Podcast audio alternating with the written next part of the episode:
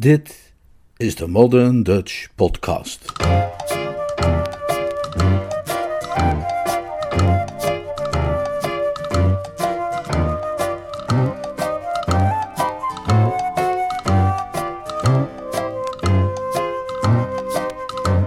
Jill the Musical.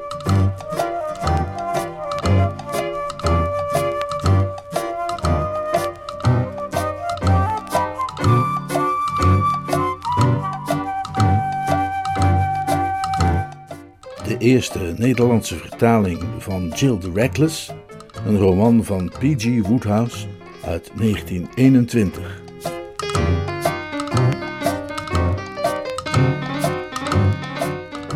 Vertaald en voorgelezen door Leonard Beuger. Hoofdstuk 4b. De laatste der Rooks helpt een handje. Jill keek haar metgezel bezorgd aan. Door de recente gebeurtenissen was het bestaan van Lady Underhill volledig vergeten. Ze was altijd zo intens betrokken bij wat ze op dat moment aan het doen was, dat ze vaak last had van zulke tijdelijke geheugenstoornissen. Nu pas drong het tot haar door, zoals gewoonlijk te laat, dat het Savoy Hotel wel de laatste plaats in Londen was waar ze met Wally had moeten gaan eten. Het was het hotel waar Lady Underhill logeerde. Ze fronste. Plotseling was het leven niet meer zorgeloos en gelukkig, maar een probleemsituatie vol verwarring en misverstanden. Wat moet ik doen? Wally Mason schrok op bij het horen van haar stem. Hij leek diep in zijn eigen gedachten verzonken. Eh, sorry? Wat moet ik doen? Oh, ik zou me maar geen zorgen maken. Ja, maar Dirk is vast verschrikkelijk boos. Wally's altijd tot glimlachen geneigde mond verstrakte vrijwel onmerkbaar. Hoezo? zei hij. Er is niets mis mee dat je wat bent gaan eten met een oude vriend. Nee, zei Jill weifelend, maar... Derek Underhill, zei Wally peinzend, is dat Sir Derek Underhill, wiens naam je altijd in de kranten ziet staan? Derek staat vaak in de krant. Hij is lid van het parlement en al dat soort dingen meer. Knappe vent trouwens. Ah, daar is de koffie. Ik, uh, ik hoef niet, dankjewel. Onzin, daar laat je je maaltijd toch niet door uh, bederven. Rook je? Nee, dank je. Ah, je bent gestopt. Heel verstandig mag ik wel zeggen. Het remt de groei en verhoogt de kosten. Gestopt?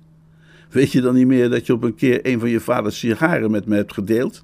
Achter de hooiberg in de wei? We hebben hem doormidden gesneden. Ik heb mijn helft opgerookt, maar ik denk dat voor jou drie trekjes of zo genoeg waren. Dat waren nog eens gelukkige tijden. Nou, die keer was ik in elk geval niet zo gelukkig. Natuurlijk herinner ik me dat. Ik denk niet dat ik het ooit zal vergeten. Het was mijn schuld, zoals gewoonlijk. Ik weet nog wel dat ik jou had uitgedaagd. Ja, en ik liet me ook altijd uitdagen. Ik durfde alles wel. Is dat nog steeds zo? Hoe bedoel je? Wally klopte de as van zijn sigaret. Nou ja, zei hij langzaam. Stel dat ik jou nou zou uitdagen om op te staan, naar zijn tafel te lopen, je verloofde in de ogen te kijken en te zeggen: Hou eens op met zo misprijzend naar mijn achterhoofd te staren.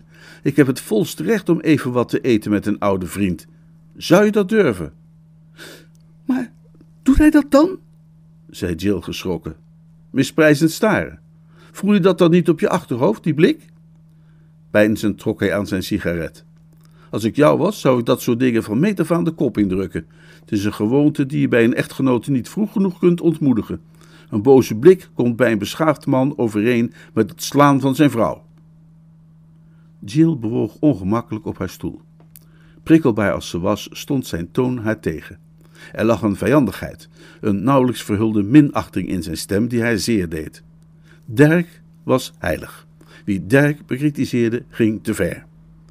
Wally, een paar minuten daarvoor nog een vriend en alleraangenaamst gezelschap, leek haar helemaal veranderd te zijn. Hij was nu weer de jongen aan wie ze vroeger zo'n hekel had gehad.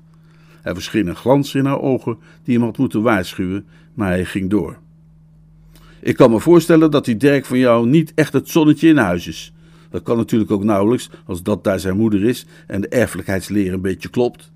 Ik wil geen kritiek op Dirk horen, alsjeblieft, zei Jill koeltjes. Nou, nou, ik zei alleen maar, nee, nee, niet doen. Ik vind dat niet fijn. Een blos kroop langzaam over Wally's gezicht. Hij gaf geen antwoord en er viel een stilte tussen hen als een kille schaduw. Met een beroerd gevoel dronk Jill haar koffie. Ze had spijt van haar felle reactie. Ze wilde dat ze haar woorden had kunnen terugnemen. Niet dat het de woorden als zodanig waren die het ragfijne spinsel hadden verscheurd, het tere web van vriendschap dat ze juist begonnen waren te weven. Het was haar manier van doen, de manier van de prinses die een ondergeschikte berispt. Ze wist dat ze Wally niet dieper had kunnen kwetsen als ze hem een klap had gegeven. Sommige mannen bezitten een gepantserde en krachtdadige aard die hen in staat stelt de ergste krenking ongeschonden te weerstaan. Haar intuïtie zei haar dat Wally niet tot dat type behoorde. Er was maar één manier om de kwestie in orde te brengen. Bij dit soort botsingen tussen menselijke temperamenten, zulke plotselinge stormen die bij volkomen heldere hemel opsteken, is het soms mogelijk de schade te herstellen, mits het psychologisch juiste moment resoluut gegrepen wordt door snel en onthecht verder te babbelen over neutrale onderwerpen. Woorden hebben de kloof veroorzaakt en alleen woorden kunnen die overbruggen. Maar Jill, nog haar metgezel, konden de juiste woorden vinden en de grimmige stilte bleef voortduren. Toen Wolly tenslotte sprak, was het op de vlakke toon van een beleefde vreemdeling. Je vrienden zijn vertrokken. Zijn stem had de toon gekozen waarmee medereizigers in de trein haar soms vroegen of ze het raampje liever open of dicht wilden hebben. Het effect daarvan was dat haar gevoel van spijt verdween en haar wrok juist werd gevoed. Ze was iemand die iedere uitdaging aanging en deed acuut haar best net zo ijzig beleefd en afstandelijk te zijn als hij. Ach, heus, zei ze. Wanneer zijn ze vertrokken? Zojuist. De lichten knipperden om te waarschuwen dat het sluitingsuur naderde. In de kortstondige duisternis stonden ze allebei op. Wally krabbelde zijn naam op de rekening die de ober naast zijn bord had gelegd. We kunnen maar beter gaan, hè, denk ik. Zwijgend liepen ze door het vertrek. Iedereen bewoog zich in dezelfde richting. De brede trap die naar de lobby leidde was vol babbelende soupergasten. Het licht brandde weer volop. Bij de garderobe bleef Wally staan. Ik zie dat Underhill daarboven staat te wachten, zei hij op neutrale toon. Uh, om je naar huis te brengen, neem ik aan. Zullen we dan maar meteen uh, goedenacht zeggen? Ik logeer hier in het hotel. Jill wierp een blik omhoog langs de trap. Daar stond Dirk. Hij was alleen. Lady Underhill was waarschijnlijk al naar haar kamer gegaan met de lift. Wally stak zijn hand uit.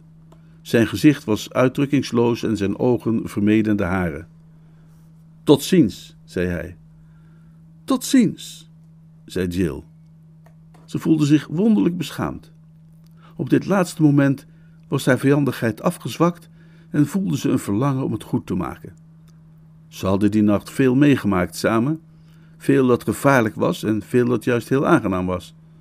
Een plotseling gevoel van spijt bekroop haar. Ehm, je komt ons toch wel opzoeken, hè? vroeg ze weemoedig. Ik weet zeker dat mijn oom je graag nog eens zou willen ontmoeten. Heel vriendelijk van je, zei Wally, maar ik vrees dat ik een deze dagen alweer terug ga naar Amerika. Haar lichtgeraaktheid en duivelse eigenschap kreeg Jill weer in de greep.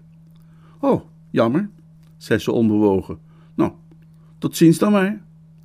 Tot ziens. Ik wens je een goede reis. Dank je wel. Hij draaide zich om naar de garderobe en Jill ging de trap op om zich bij Dirk te voegen. Ze voelde zich kwaad en depressief tegelijk en vol besef van de nutteloosheid van alles. Mensen flitsten je leven binnen en er weer uit. Wat was de zin daarvan?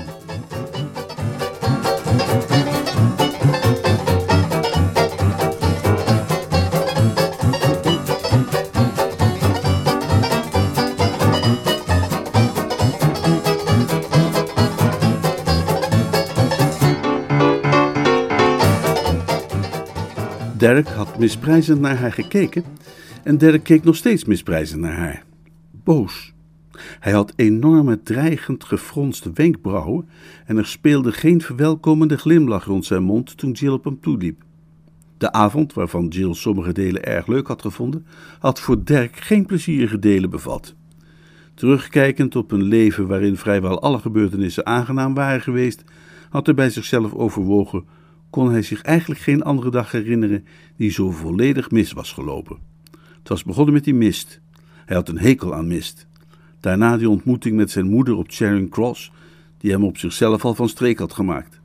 Daarna, in een crescendo van onaangenaamheid, had de dag die verschrikkelijke situatie gebracht in het Albany, de herinnering waaraan hem nog steeds deed rillen, en vervolgens dat akelig zwijgzame diner, het taaie eerste deel van dat toneelstuk, de brand in het theater, het beschamende geworstel naar de uitgangen, en dan nu de ontdekking dat het meisje met wie hij verloofd was in de Savoy soupeerde met een kerel die hij zich niet herinnerde ooit in zijn leven te hebben gezien.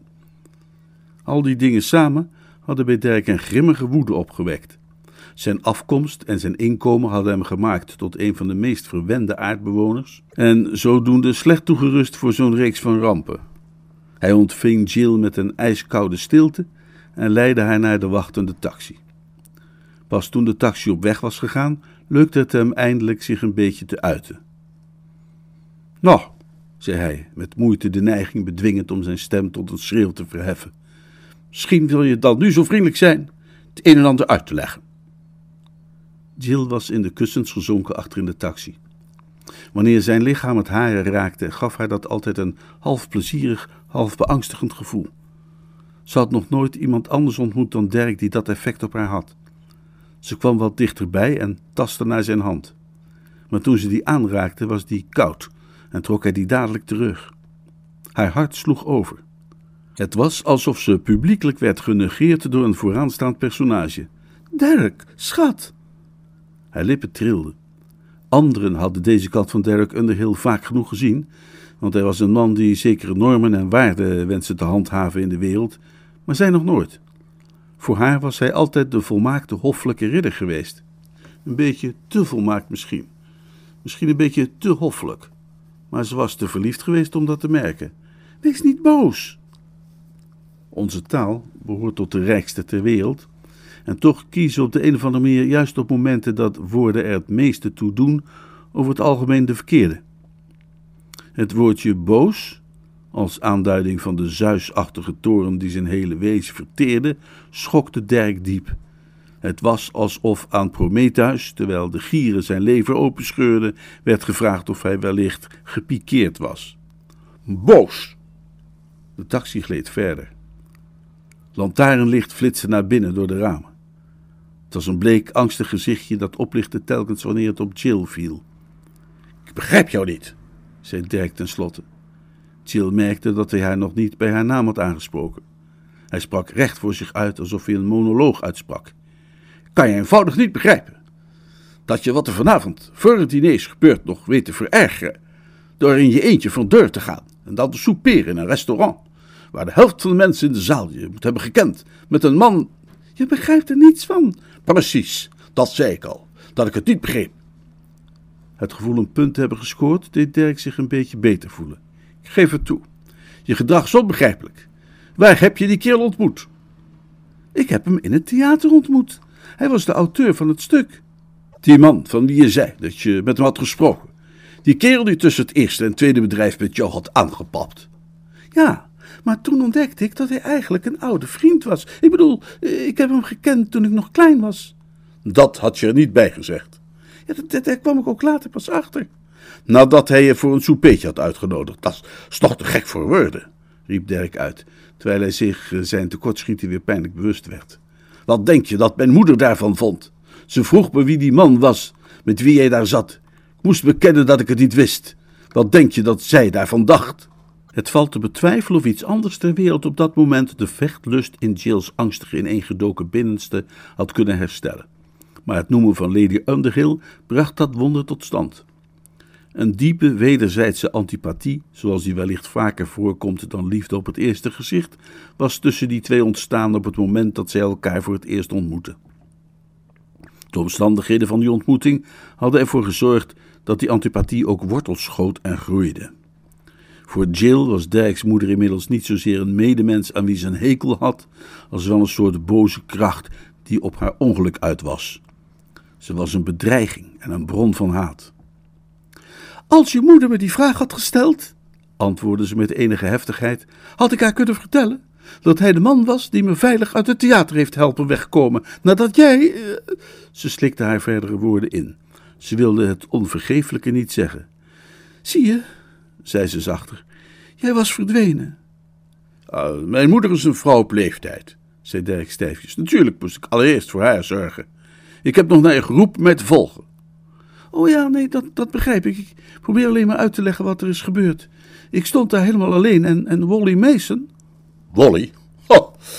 Dirk slaakte een korte lach, haast alsof hij blafte. Jullie waren al aan voornamen toe, hè? Jill zette haar tanden op elkaar. Ik heb toch gezegd dat ik hem als kind al kende. Toen noemde ik hem ook altijd al Wally. Neem me niet kwalijk, dat was ik vergeten. Hij hielp me door de toneeldeur naar het podium en door de artiesteningang naar buiten. Dirk voelde zich bedrogen. Hij had het onaangename gevoel dat je krijgt als je met grote woorden de hoogste bergen aan het beschrijven bent, maar die dan ondertussen ziet afbrokkelen tot molshopen. Wat zo schandalig had geleken, bleek nadat het was uitgelegd toch niet echt heel erg verschrikkelijk. Hij beet zich vast in het enige in Jill's gedrag dat haar nog steeds verweten zou kunnen worden. Het was niet nodig om met die man te gaan eten. Zijn zuisachtige woede was weggeëpt en hij resteerde iets dat betreurenswaardig veel leek op een klaaglijk gemopper. Je had meteen naar huis moeten gaan. Je had kunnen weten hoe bezorgd ik om je zou zijn. Nou, echt hoor, Dirk, lieverd. Zo heel angstig leek je me niet. Je was zelf ook gezellig aan het souperen. De menselijke geest zit merkwaardig in elkaar. Het is zonder meer het vermelden waard dat, ondanks het feit dat zijn moeder zijn verloving steeds al sterk had afgekeurd, en ondanks alle gebeurtenissen van deze vreselijke dag, pas toen ze deze opmerking maakte dat Dirk Underhill voor het eerst aan zichzelf toegaf dat, hoezeer zij ook zijn zinnen wist te bedwelmen, er een mogelijkheid was dat Jill Mariner niet de ideale vrouw voor hem was.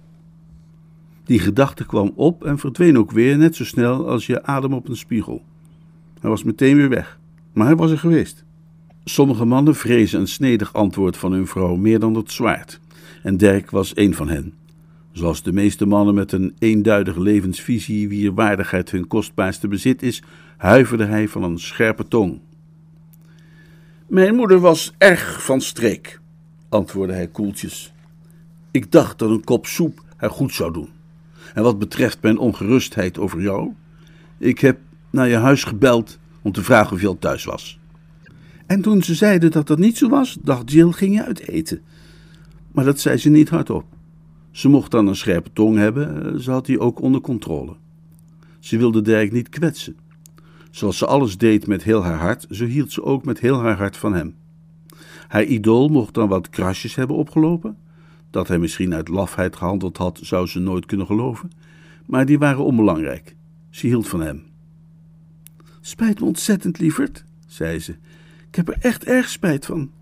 Ik ben wel heel ondeugend geweest, sorry. Ze tastte weer naar zijn hand en deze keer trok hij die niet terug, maar liet die kil en onbewogen in haar greep. Het was alsof ze met tegenzin ontvangen werd door een deftige persoonlijkheid die zijn twijfels over haar had, maar vooralsnog zijn oordeel terughield. De taxi stopte voor de deur van het huis op Ovingdon Square dat Jill's oom Christopher zich had gekozen als een adres dat geschikt was voor een heer van zijn stand. Jill hief haar gezicht op om gekust te worden als een berouwvol kind. Ik zal niet meer zo ondeugend zijn, hoor. Een flitsend ogenblik aarzelde Dirk. De rit, zolang als die was, was te kort geweest om zijn zielenrust te herstellen. Maar nu beving hem het bijzondere gevoel van haar nabijheid, haar bekoorlijkheid, de zachte geur van haar haar en de glans van haar ogen die zo dicht bij de zijne opblonken in de duisternis. Hij drukte haar tegen zich aan. Jill verdween met een vrolijke lach het huis in.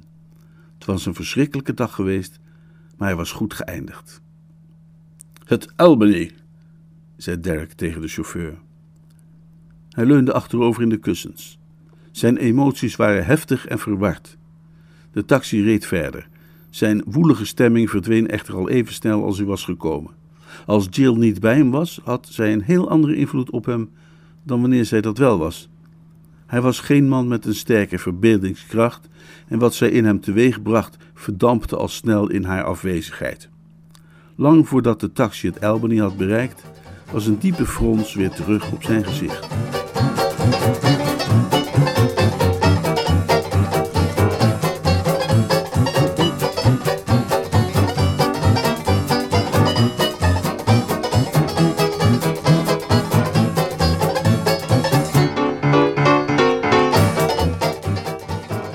Aangekomen bij het Albany trof hij Freddy Rook lui achterover in een diepe leunstoel. Zijn gepantoffelde voeten lagen op de schoorsteenmantel, terwijl hij bezig was zijn afgemat gestel te herstellen met een stevige whisky en soda. Een van de sigaren die zijn bediende Barker het zegel van zijn goedkeuring had toegekend, hing in zijn mondhoek. De sportkrant, met behulp waarvan hij zijn overspannen zenuwen zo goed mogelijk had gestild, was naast zijn stoel op de grond gevallen. Hij was klaar met lezen en staarde nu vredig naar het plafond. Zijn geest volkomen leeg. Met Freddy was niets aan de hand. Hallo, beste knul, merkte hij op toen Dirk binnenkwam. Je hebt je verblijf in de vuur over dus heel uit doorstaan. Ik vroeg me af hoe het met je ging. Hoe voel je je? Ik zelf ben niet langer de man die ik was.